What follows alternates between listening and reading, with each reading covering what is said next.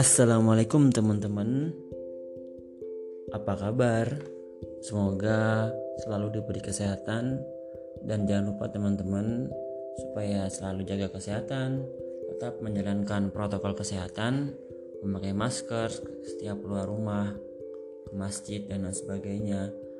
Dan juga selalu menggunakan hand sanitizer Kemudian cuci tangan dengan air yang mengalir dan juga menjauhi kerumunan-kerumunan. Oke. Selanjutnya kita akan melanjutkan yaitu episode 8 yang berjudul selektif boleh tapi jangan terlalu. Jangan terlalu pilih-pilih jodoh, tapi lupa berkaca diri. Perjalanan dalam menjemput jodoh itu seperti berjalan di hamparan taman penuh dengan bunga yang menawan.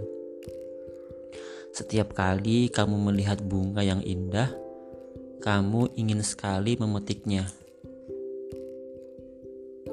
Namun, keinginanmu urung dikarenakan kamu berpikir, "Gak ah, bunga ini mekarnya kurang sempurna. Nanti ku petik di depan sana saja." Pasti ada yang lebih indah dan mekar sempurna. Kamu pun lantas berjalan sambil terus mengamati setiap bunga-bunga yang kamu jumpai. Tapi apa yang terlintas di pikiranmu sama. Selalu saja kamu berharap bahwa ada bunga yang lebih indah di ujung sana. Hingga akhirnya kamu sampai pada deretan bunga yang justru telah mulai menua dan layu. Kamu tersentak kaget dan membalikan badan kamu dengan perasaan menyesal mulai terbayang bahwa justru nampaknya bunga di belakang tadi yang justru kamu yang yakini lebih indah kamu pun berbalik dan berlari untuk kembali menemukan bunga yang indah itu. Namun sayang, yang kamu temukan hanya tinggal tangkainya saja. Tangkai itu masih basah sepertinya baru saja diambil dan dipetik oleh seseorang. Kamu terpaku penuh penyesalan. Kamu menyesal pun tidak mampu membalikan sang bunga ke tangkainya lagi. Itu adalah sebuah gambaran. Boleh-boleh saja, seseorang berharap yang lebih baik atas sesuatu hal, termasuk jodoh. Tapi, terlalu berespektasi sempurna justru akan menjauhkan sosok jodoh.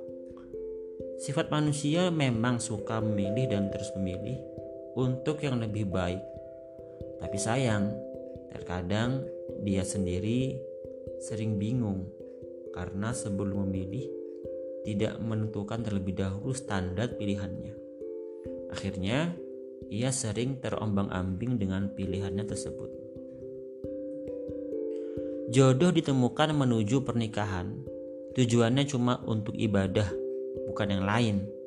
Selama ada seseorang laki-laki meminang dan secara agamanya baik, imannya oke, dan takwanya top, dan kamu merasa mantap, mengapa kamu menolaknya?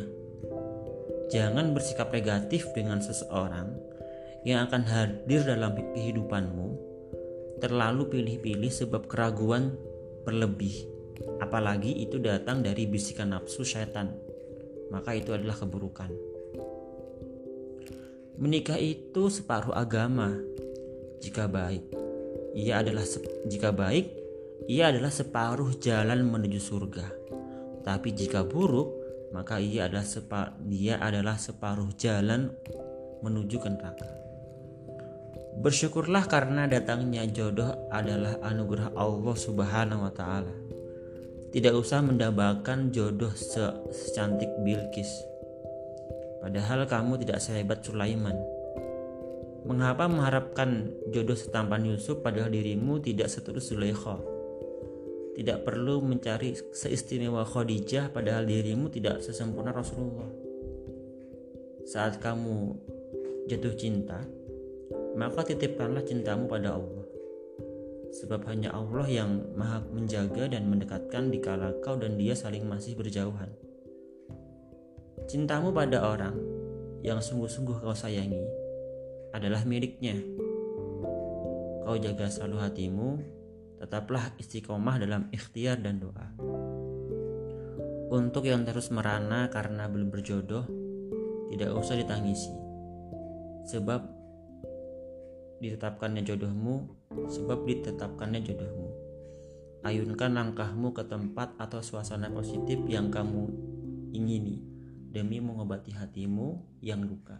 Semoga kamu akan bertemu seseorang yang dapat mengisi hatimu. Insya Allah, kelak pasti terobati juga. Dan hidupmu kembali ceria dan bersahaja. Alhamdulillah jazakumullahu khairan untuk podcast kali ini semoga bermanfaat dan jangan bosan-bosan ya. Assalamualaikum warahmatullahi wabarakatuh